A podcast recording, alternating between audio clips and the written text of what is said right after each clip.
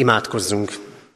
Istennek szent lelke, szállj le mi közénk, szenteld meg szívünket és figyelmünket. Amen. Kegyelem néktek és békesség Istentől, ami atyánktól, és ami megváltó Urunktól, az Úr Jézus Krisztustól. Amen. Kedves testvérek, Isten tiszteletünk kezdetén a 19. Zsoltár első verszakát énekeljük el, a 19. Zsoltár első verse így kezdődik. Az egek beszélik, és nyilván hirdetik az Úrnak ereit.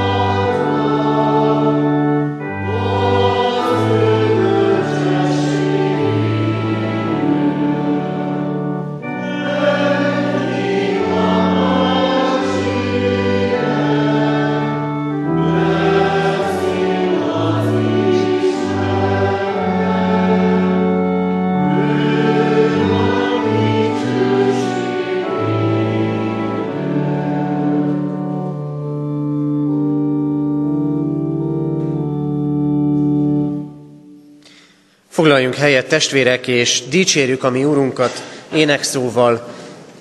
Énekeljük a 380. dicséretünk első, második, harmadik és negyedik verseit, tehát a 380. dicséretünk első négy verszakát. Az első vers így kezdődik, semmit ne bánkodjál, Krisztus szent serege.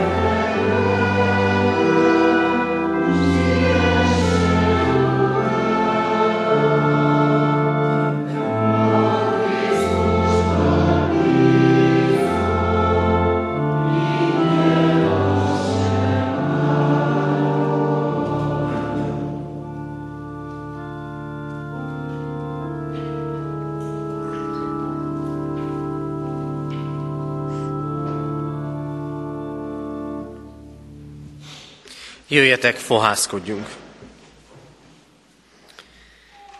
Ami segítségünk, Isten tiszteletünk megáldása, megszentelése az Úr nevében van, aki úgy szerette a világot, hogy egyszülött fiát adta, hogy aki hisz ő benne el ne vesszen, hanem örök élete legyen.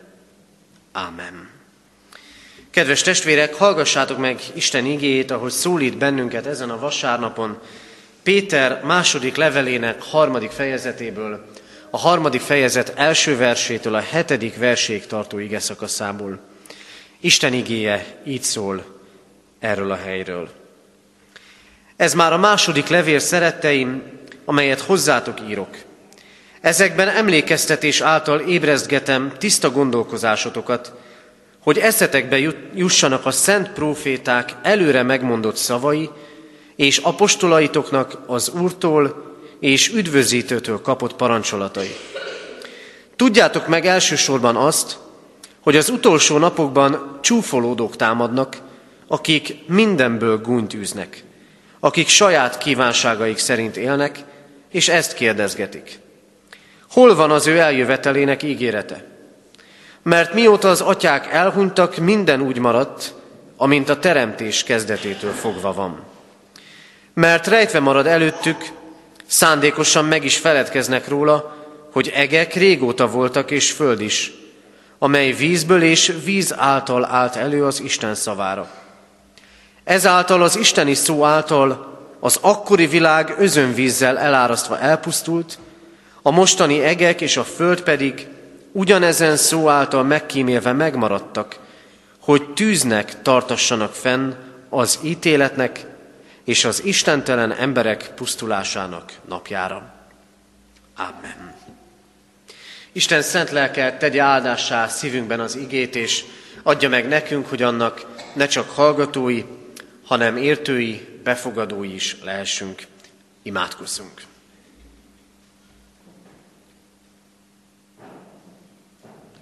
Szívünket hozzád emeljük, Urunk Istenünk, és köszönjük, hogy mindenkor, amikor imádkozunk hozzád, akkor megélhetjük azt, hogy a mi életünket egész más szemszögből látjuk. Mert tudjuk, van kire rábízni életünket, van kire rábízni dolgainkat. Hálásak vagyunk, Urunk, hogy megszólíthatunk téged, és ebben a megszólításban magunk mögött hagyhatunk sok mindent, ami terhel, ami fáraszt, ami nehézé teszi a napjainkat. Köszönjük, Úrunk, hogy a veled való közösségben mindig megerősödhetünk. Köszönjük azt, hogy Te kinyitott számunkra a Te világodat. Sőt, Te magad hívsz a Te követésedre, hogy beavatást nyerjünk a Te titkaidba, hogy a Te követésedben megtapasztaljuk és megízleljük a mennyei világ kincseit. Urunk Istenünk, áldunk téged azért, mert igaz Isten vagy, aki nem alkuszol meg semmiféle hamissággal, nem alkuszol meg a bűnnel, az igaztalansággal, a szeretetlenséggel és a gyűlölettel. És áldunk azért, mert olyan Isten vagy, aki könyörülsz a hozzátérőn, és így emeled fel az életét, az életünket. Köszönjük neked, Urunk, hogy megtartottál bennünket, hogy tenyereden hordoztál. Köszönjük azt, hogy azért tekinthetünk reménnyel a jövendőbe, a nehéz feladatainkra is, meg a könnyűekre is, talán fáradtságunk közepette is. Azért tekinthetünk reménnyel a jövőre, mert tudjuk, az is a te kezedben van. Hálát adunk, Urunk, életünkért, az elmúlt héten elvégzett munkánkért. Hálát adunk azért, ha valamiben léphettünk előre. Köszönjük neked, ha rácsodálkozhattunk a világ, a teremtett világ szépségére és rendjére. Amikor észrevehettünk valami szépet, valami áldottat a másik emberben, ügyekben, feladatokban, a világban. Urunk, jövünk eléd a magunk bűnbánatával is. Jövünk eléd, mert nem csak bennünket érhet gúny, de mi is vagyunk gyakran ítélkezők és gúnyolódók, szeretetlenek és igaztalanok. Kérünk, Urunk, tisztíts meg minket a mi védkeinktől, és tisztíts meg a mi gondolkodásunkat mindentől, ami földhöz köt, földhöz ragaszt bennünket. Köszönjük, Urunk, hogy alkalmat készítettél most itt a Te házadban, hogy találkozzunk veled. Köszönjük, hogy miénk az ígéret, hogy lelked itt jár közöttünk. Kérünk, Urunk, ad nekünk ígéret. Táplálj általa az életre. És hadd legyen így ez a mostani Isten tiszteleti óra is, a veled való találkozás és betöltekezés alkalma. Kérünk, szólj hozzánk és szentelj meg minket, Atya, Fiú, Szentlélek Isten. Amen. Isten igényének hallgatására készülve a 380. dicséret 7. versét énekeljük. 380. dicséret 7. verse így kezdődik. Siess most mi hozzánk, Krisztus, segélj minket. Az ének alatt a gyerekeket várjuk a gyermekisten tiszteletem. thank you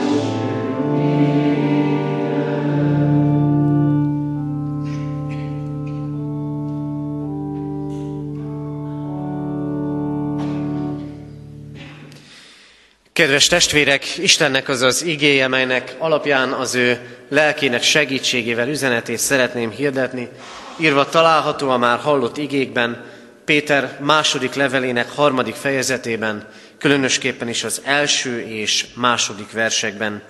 E helyről így szól Isten igéje.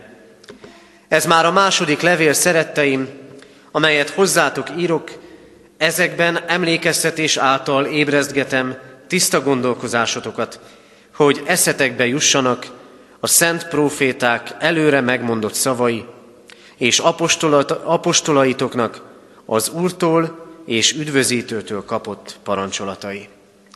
Amen. Eddig Isten írott igéje.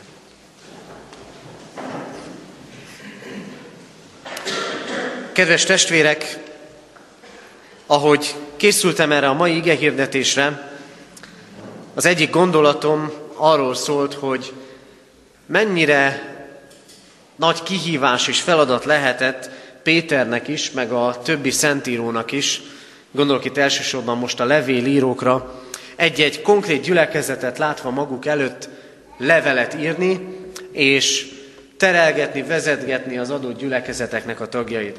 Pillanatra eljátszottam a gondolattal, bár még nem tettem le róla, hogy vajon én milyen levelet írnék a gyülekezetnek. Milyen levelet írnék a katonatelepi közösségnek, vagy éppen milyen levelet írnék azoknak az osztályoknak, amelyeket tanítok a gimnáziumban. Nem könnyű téma ez, és nem könnyű úgy üzenetet megfogalmazni, hogy abban ott legyen a pásztori, atyai vezetés, ha kell a feddés, az intés, de éppen úgy a végasztalás is. Aztán a másik gondolatom, ami megfogalmazódott bennem a felolvasott ige kapcsán, az az, hogy itt az apostol arról beszél, azért írja ezt a levelet, mert tisztogatni szeretné a címzettek gondolkodását.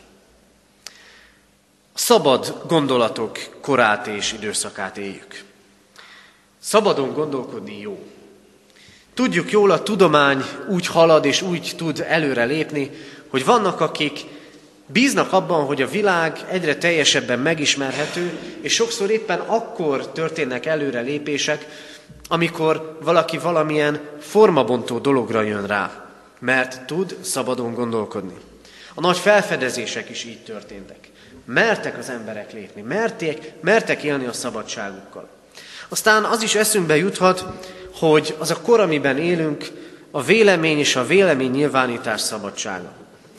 Azonban, ha erre gondolunk, akkor nem feltétlenül egyértelműen pozitív az a kép, ami előttünk van. Mert bárki gondolhat bármit, és kellően nagy nyilvánosság és kellően sokféle lehetőség áll az ember rendelkezésére ahhoz, hogy a szabadon alkotott gondolatát megossza. És sokszor azt tapasztaljuk, hogy emberek rugaszkodnak el a józanság talajáról, nem érdekli őket a tisztaság, a tiszta gondolatok, és nem érdeklik őket véleményalkotás és szabad gondolkozás során az értékek. Olyan időszakot élünk, amikor egyenlőség jelet tesznek sokan, gondolat és gondolat, gondolkodás és gondolkodás közé. Azért jutott eszembe ez a gondolat, mert Péter levelében úgy gondolom nem véletlen ez, a, ez az üzenet, azért írom nektek ezt a levelet, hogy tisztogassam a ti gondolkodásotokat. Lám-lám nem csak ma probléma az, hogy az emberek sok mindent gondolhatnak szabadon, hanem már akkor is az volt. Nem csak ma van jelen a vallási sokszínűség, hanem már akkor is jelen volt. És nem csak ma, hanem az akkori keresztjének is sokszor kihívással szembesültek, sokszor gúny tárgyává lettek, és sokan megkérdőjelezték a hitüket, megkérdőjelezték a hitük tartalmát és létjogosultságát. Emlékeztetnem kell titeket, mondja az apostol, és ébrezgetnem tiszta gondolkozásotokat. Mert különben gyengék lesztek. Különben el fogtok gyengülni a hitben. A gyengeség jeleit pedig akkor is hordozhatták, és ma is hordozhatjuk. Mert gyengélkedünk akkor, amikor küldetés tudatról és hivatás tudatról beszélünk.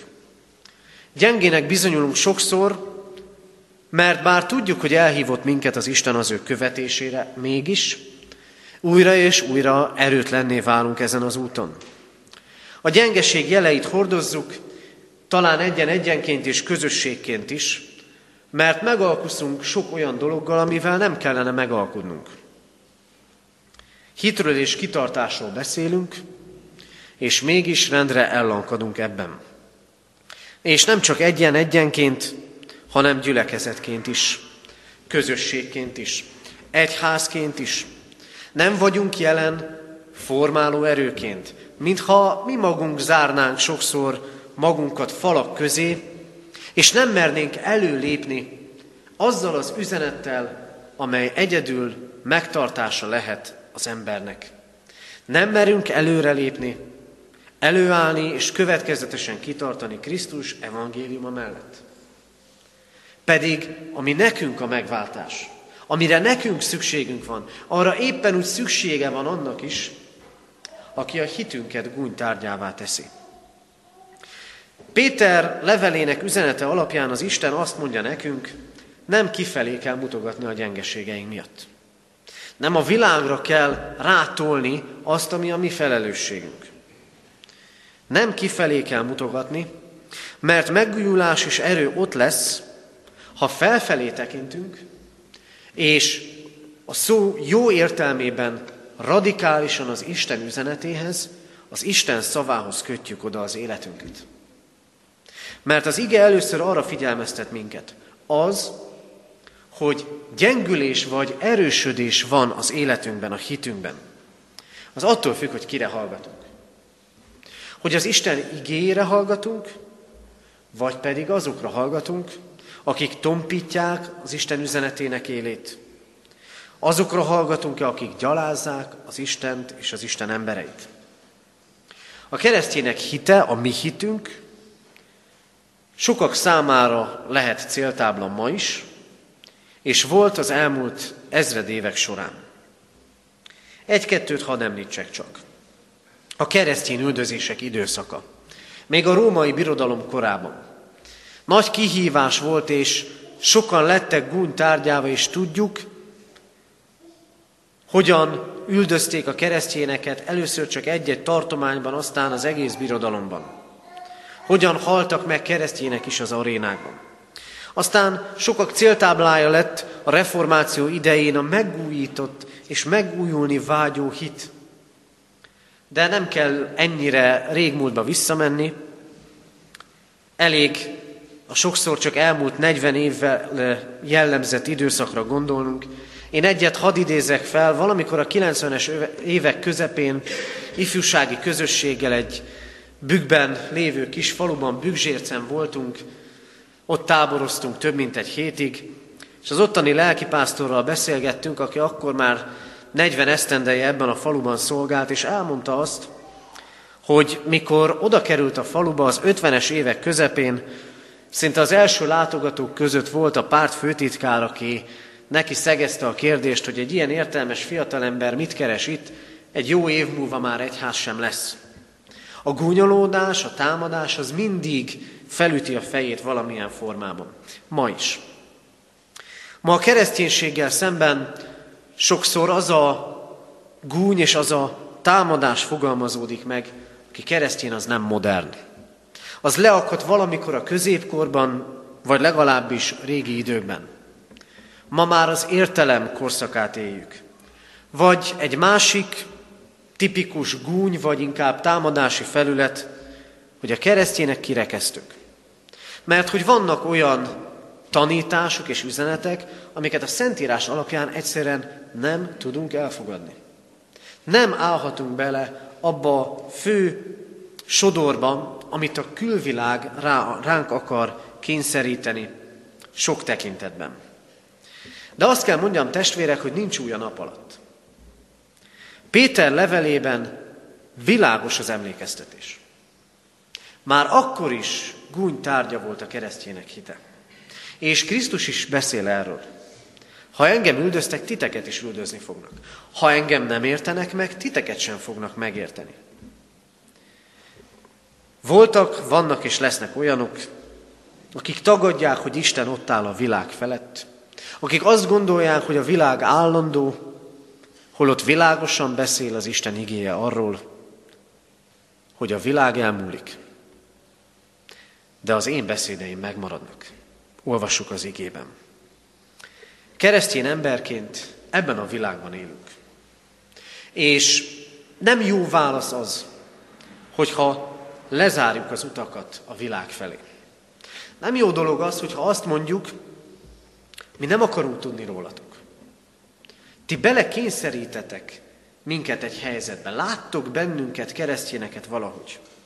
Nagy kihívás ez. Nagy kihívás úgy élni a mai korban, hogy élünk a világ sokféle új és új lehetőségével, internettől kezdve nagyon sok mindenig, de közben megőrizzük a hitünket. Ez a nagy kihívás. Mert rengeteg üzenet érkezik hozzánk. Rengeteg üzenet, amely eltéríthet, amely elvihet minket az Istentől. Nekünk az a kihívás, hogy megtartsuk a hitet, és előre lépjünk keresztény hitünkben.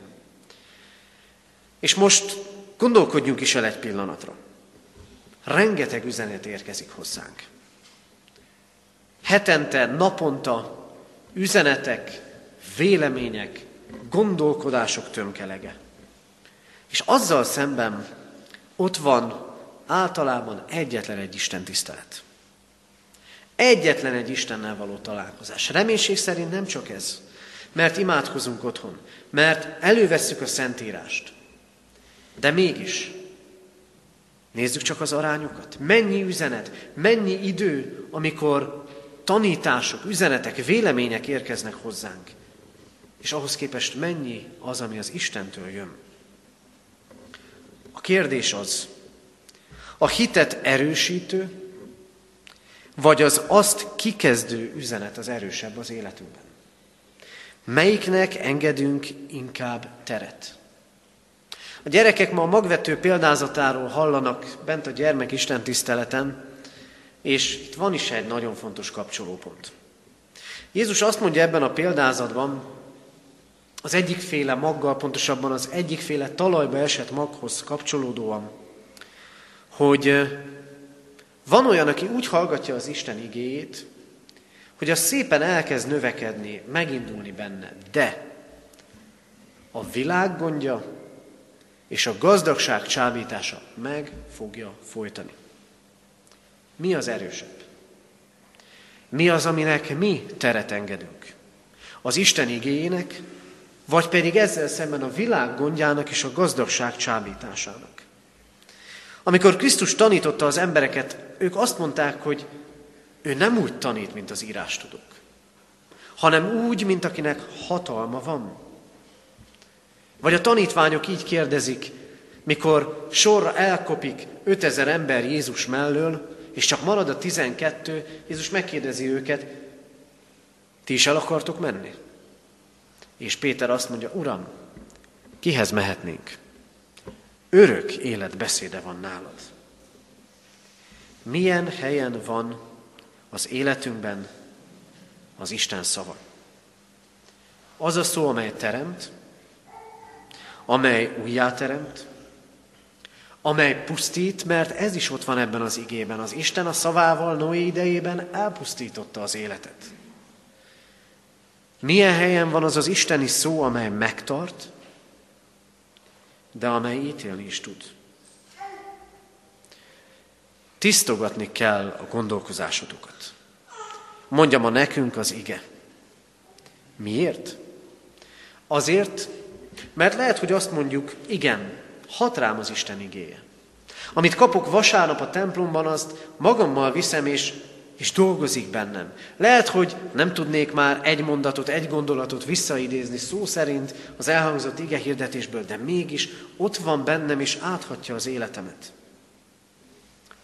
Van, amikor nem úgy történnek a dolgok, hogy az Isten igéjét kiüti valami az életünkbe, hanem mellé jön valami. Keverjük össze. Tegyünk hozzá. Egészítsük ki olyannal, aminek semmi köze nincs a Szentíráshoz. Nagyon sok minden rárakódhat így az Istentől jövő üzenetre. Más vallások üzenetei. Néha én is megdöbbenek, hogy a diákjaim fejében milyen összevisszaság van vallások tanításaival kapcsolatban, és tisztogatni kell az ő gondolkodásukat. Vigyázzunk, mert sok minden felhígíthatja az Isten üzenetét. Tegyük hát fel a kérdést, gyengítenek vagy erősítenek a minket érő hatások? Hagyjuk-e, hogy az Isten az ő igéje által erősítsen bennünket? Aztán arra tanít az ige, akkor tudunk megerősödni, ha az életünkben ott van az emlékezés, a visszatérés, és ezáltal annak felidézése, hogyan az Isten cselekszik az életünkben. Hányszor vagyunk úgy, egyszer, egyszer megállva és visszagondolva egy-egy régi időre, hogy erőt merítünk egy-egy családi eseményből egy-egy személyes nagy megtapasztalásból. Azt is mondják, aki elfelejti a múltat és nem tanul belőle, annak az lesz az ítélete, hogy újból át kell élnie azt. Vagy tudjuk azt is jól, van, amikor szó szerint kimondták, ma talán kevéssé szó szerint, de éppen úgy benne van a gondolkodásban, hogy a múltat el kell törölni. Ma inkább arról van szó, hogy az állandó jövőben kellene élni, arra kellene készülni. Szólnak-e a proféták? Nemrégiben egy cikk sorozat, vagy egy, egy, egy néhány cikk, amit elolvastam, arról beszélt, hogy nagy politikai gondolkodók 20 esztendővel ezelőtt mit gondoltak a 2010-es évek közepéről. Fogalmazunk úgy, hogy inkább nem találták el, mint eltalálták, hogy mi fog történni. A jövőben él az ember, és ne értsük félre, az állandó múltba révedés sem jó, de miközben a jövőre tekintünk, azt mondja itt Isten igéje, meg kell állnod és vissza kell tekintened. Emlékeztetés által ébrezgetem tiszta gondolkodásotokat. Nagy kísértés az, hogy mindig a mostban éljünk. Nagy kísértés az, hogy ebben a felgyorsultságban ne szálljunk időt a visszatekintésre. Az Isten szava ma világosan arra tanít minket, hogy a tiszta gondolkodás és az emlékezés között összefüggés van. Amiből az is következik, hogy akkor ferdül el a tiszta gondolkodás, gondolat, ha nem nézünk a múltba. Mert ha múltba nézünk, láthatjuk az Isten tetteit és jelenlétét. A személyes életünkben is. Emlékezni és emlékeztetni. Fontos dolog ez. A zsidóság számára az emlékezés tulajdonképpen a megmaradást jelentette és jelenti.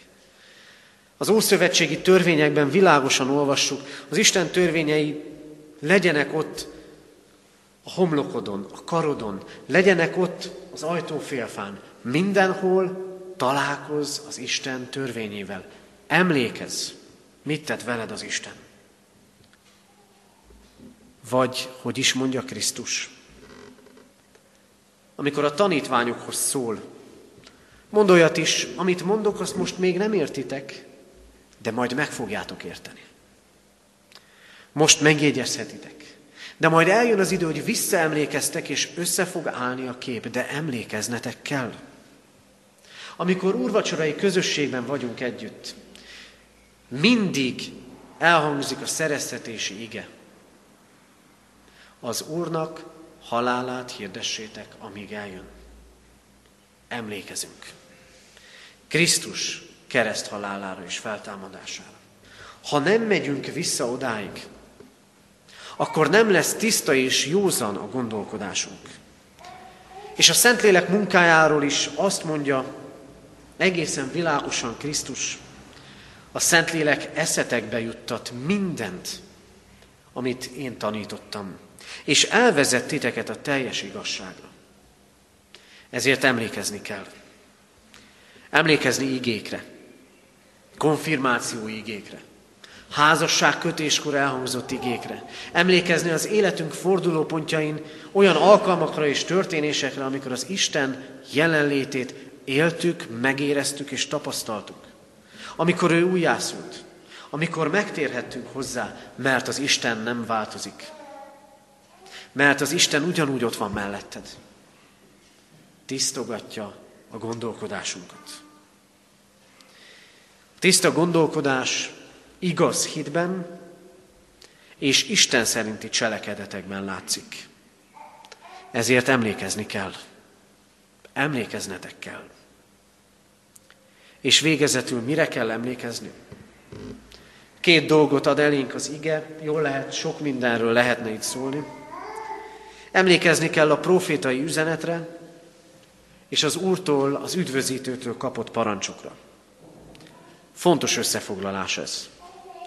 Profétai üzenetre és Istentől kapott parancsokra. Mert a proféta mindig két dolgot hirdetett. Ítéletet és kegyelmet. Büntetést és könyörületet. És a proféta Krisztusra mutatott előre. Azt mondja az új szövetségi üzenet, nézzétek a profétákat. Hogy a törvényre mutatnak, hogy az Istennek van egy rendje, és a tiszta gondolkozáshoz ez is hozzátartozik, hogy van rend, és az Isten rendjéhez kell igazodni. És van vigasz.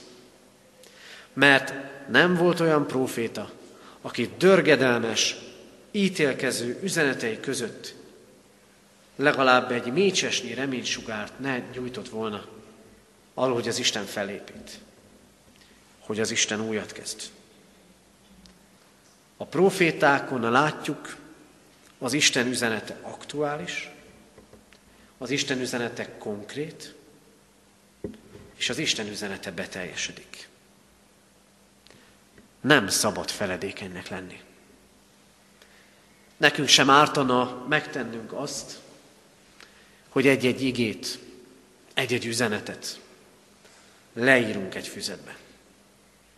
Talán éppen holnap reggel elmegyünk az írószerbe, veszünk egy füzetet, és egy-egy vasárnapi igehirdetésből, egy-egy személyes bibliolvasásból egy mondatot, egy gondolatot leírunk. Mert el fogjuk felejteni az Isten kincseit. Mert el fogjuk felejteni az üzeneteket, amik valamikor sokat jelentettek. Kell, hogy emlékezz. Az Isten felemelő és vigasztaló szavára. Kell, hogy lássuk, hogy a múltban és a jelenben hogyan tett az Isten. De nem csak vigasz, nem csak erősítő üzenet van, mert nem szabad mazsolázni az Isten üzenetei közül. Van parancs is. Arra is emlékezni kell. Nem kimazsolázni, alakítgatni, megalkudni. Az Isten parancsai köteleznek. A tíz parancsolat, a szeretet nagy parancsolata, a hegyi beszédben Krisztus világos tanítása, a szeretetről, az odafordulásról, arról, hogy ne ítélkezzünk, arról, hogy hogyan imádkozzunk, szinte mindenről, ami fontos. Emlékezz az Isten parancsaira. Mert azokat is számon fogja kérni az Isten, és ha emlékezel, akkor lesz tiszta a gondolkodásod. Akkor fogsz jó úton járni. Az élet így teljes, és az Isten üzenete. Az Isten ígéreteivel és elvárásaival együtt. Kedves testvérek, én nem tudom, hogy mennyi és milyen üzenet hatott ránk az elmúlt időkben, vagy fog hatni az elkövetkező napokban. Egy biztos, az Isten üzenete mellett számos más vélemény, tanítás is meg fog érkezni hozzánk. Rajtunk múlik, hogy minek engedünk teret. Ti figyeljetek az Isten igényére. Radikálisan, teljesen elkötelezetten. És emlékezzetek, merítsetek Krisztus kereszt halálából, hogy olyan Istenünk van, aki halálosan szeret bennünket. Merítsetek mindabból, amit ő tett és mondott. Emlékezzetek. Ne az örök mostban, az örök jövőben éljetek, hanem legyen idő megállni, visszatekinteni, hálát adni. Ahogy az ige mondja, állj meg és gondold meg az Isten csodáit. És merítsetek erőt. És vegyétek komolyan az Isten végasztaló üzeneteit és törvényeit.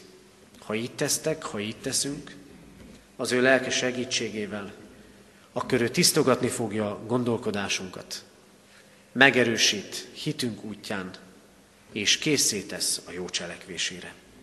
Ebben legyen segítségünk a mindenható Isten, most és minden időben. Isten ígére válaszol a 380. dicséretünk 8. versét énekeljük el. 380. dicséret 8. verse így kezdődik. Igaz fogadásod és minden beszéded.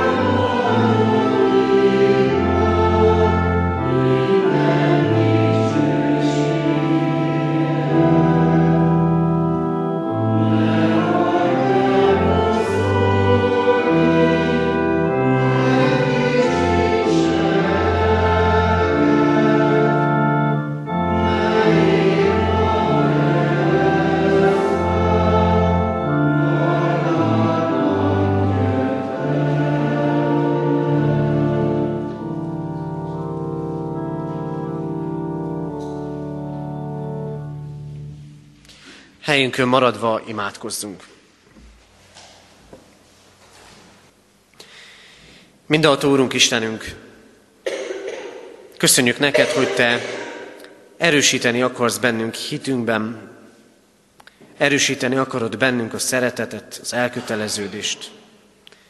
Köszönjük neked, hogy látod gyengeségeinket, és ezek arra indítanak téged, hogy felemelj és megerősíts bennünket. Köszönjük neked, Urunk, minket megszólító szavadat, üzenetedet. Kérünk téged, szentelj meg minket a te igaz ígéddel. Hadd legyünk készek arra, hogy hagyjuk a Te ígédet hatni az életünkre. Hogy készek legyünk engedelmeskedni mindannak, amit megértettünk, hogy megtapasztaljuk, Te áldásokat nyitsz mindenhol és bárhol. Urunk, köszönjük neked, hogy látod az életünkön, mi az, ami erőtlenné tesz minket. Kérünk, ne távozz el tőlünk, és erősíts minket naponként igédben. Így tisztogatva mi gondolkodásunkat. Köszönjük neked, Urunk, hogy van mire emlékeznünk. Hogy emlékezhetünk Krisztus kereszt halálára és feltámadására. Hogy innen indulhat életünk, benned újjá teremtett életünk. És hogy Krisztus megváltó szeretete más fénybe helyezheti életünket, mindennapjainkat. Könyörgünk hozzád, Urunk Istenünk, juttasd eszünkbe valamikor hallott, megértett, életünket befolyásoló igéidet, tetteidet, hogy abból erőt tudjunk meríteni a jövendőre. Kérünk téged, Urunk Istenünk, hadd vegyük komolyan profétai szavadat, üzenetedet, mindig aktuális és konkrét igédet. Hadd vegyük komolyan parancsolataidat, amelyek által megmaradhatunk a Te utadon, a Te követésedben. Urunk Istenünk, nem csak önmagunkért könyörgünk, azokért a szeretteinkért, gyülekezeti tagokért is, akik nem lehetnek ma itt közöttünk. Imádkozunk hozzád, Urunk, a betegekért, Könyörgünk a gyászolókért. Ad nekik végasztalást. Imádkozunk, Urunk, egy kórházba készülő testvérünkért. Légy vele ott a kórházi ágyon, orvosi kezelése alatt. Erősítsd őt, és hozd előtt ide a te gyülekezetedbe. Imádkozunk hozzád, Urunk, a fiatalokért, akiknek az életében talán még több kihívás és nehézség van, még több hatás éri őket, hogy komolyan vegyék a te megszentelő szavadat, hogy megérthessék, hogy nálad van az élet. Urunk Istenünk, könyörgünk hozzád, tartsd meg a mi gyülekezetünket, és növeld a mi hitünket. Gyarapítsd az itteni közösséget is az üdvözülőkkel. Rád bízzuk így egész egyházközségünk és egyházunk szolgálatát. De így imádkozunk hozzád népünkért, határokon innen és túl. Imádkozunk Európáért, és imádkozunk ezért a világért.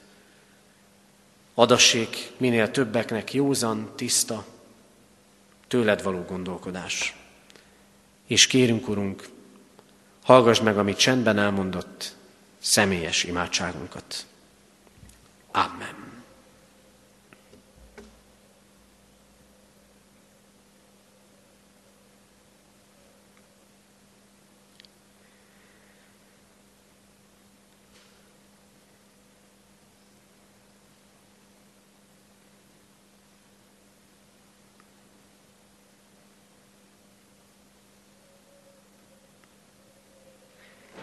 Köszönjük, Urunk, hogy Krisztusért meghallgatod a mi imádságunkat.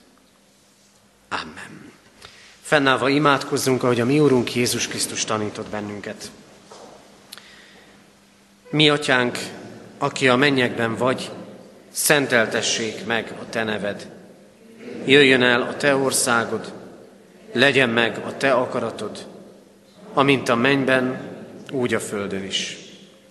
Minden napi kenyerünket add meg nékünk ma, és bocsásd meg védkeinket, miképpen mi is megbocsátunk az ellenünk védkezőknek.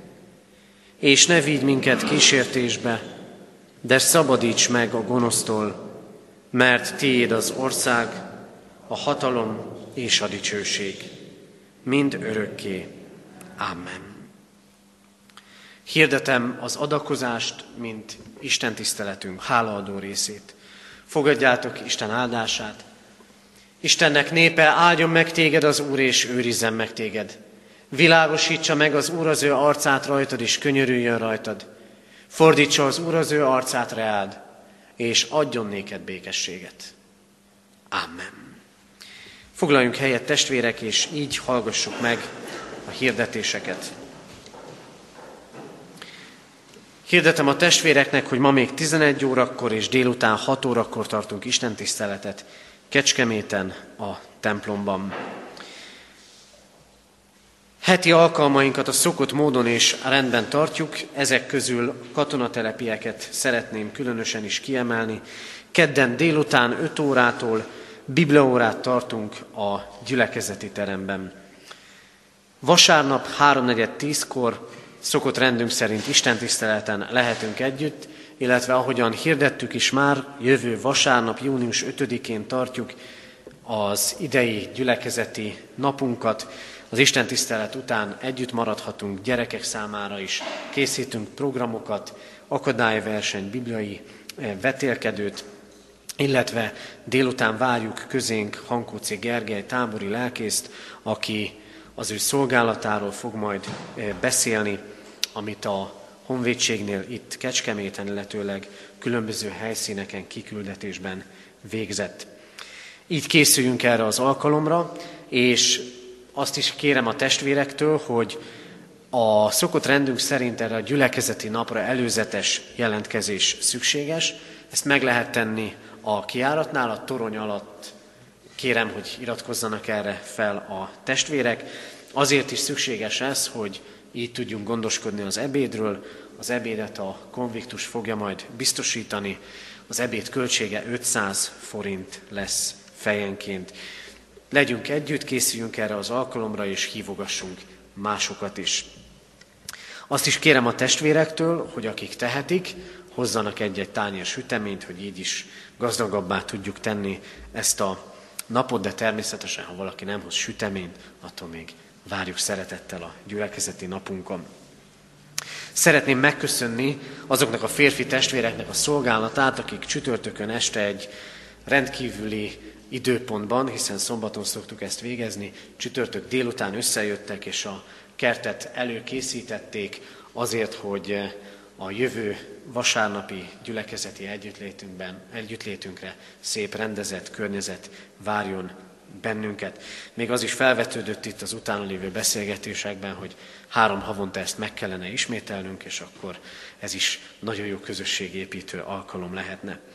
A női kör is találkozott pénteken este, és az az elhatározás született, hogy a könnyebb megjegyezhetőség kedvéért minden hónap utolsó péntekén este 6 órakor találkoznak a nő testvérek, és ez alól a nyári idős, időszak sem kivétel, minden hónap utolsó vasárnapján este 6 órára tehát a nő testvéreket várjuk a gyülekezeti terembe.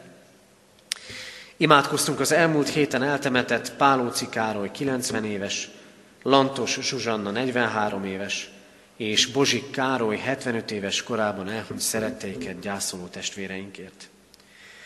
Halottaink vannak, Tóth Tibor 48 esztendőt élt, temetése hétfőn 9 órakor lesz a köztemetőben.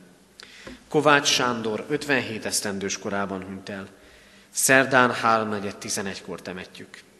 Kis Istvánné Gere Sára 85 esztendőt élt, temetése szerdán fél 12-kor a református temetőben lesz. Özvegy Sándor Józsefné Rigó Klára 84 évet élt, Temetése csütörtökön három órakor a köztemetőben lesz. Kelő Józsefné Buzogány Lenke Piroska 88 esztendőt élt. Temetése június 3-án, pénteken 3.4.11-kor lesz.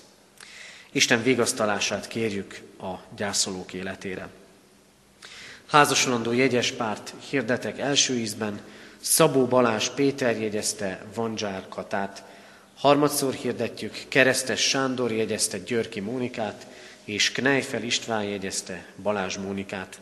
Isten áldása legyen a tervbevet házasságokon. Adományok érkeztek az elmúlt héten egyházfenntartói járulékként 93 ezer forint, Isten dicsőségére 36 ezer, diakóniai szolgálatra 100 ezer, a templom kárpítozására 24.250, szeretet hétre 72 ezer, és a Tótendre teremre 50 ezer forint adomány. Presbitérium közadakozást hirdet a Kecskeméti templom szőnyegének, függönyeinek megújítására és a városi hittanos gyermekek nyári táboroztatására. Az adományokat szeretettel várjuk a gazdasági hivatalban. Június 4-én szombaton 16.30-kor a Gárdonyi életműsorozat, életműkoncert sorozat záró alkalmára kerül sor. Ez alkalommal nem a templomban, hanem az új kollégium dísztermében, tehát szombaton fél ötkor. Az Úr legyen a mi gyülekezetünk őriző pásztora, és végezetül még egyszer ajánlom a testvérek figyelmébe a jövő heti gyülekezeti napot és az arra való jelentkezést a kiáratnál. Isten áldjon és őrizzen meg minket, hogy az ő követésében járjunk, és hűségesnek bizonyuljunk tőle kapott hivatásunkban. Záró énekünket énekeljük, a 197. dicséretünk 5. és 6. verseit, 197. dicséret 5. 6. verseit énekeljük. Azért gyorsaságot elkezdett dolgunkban, az ének után pedig közösen mondjuk el a záró imádságot.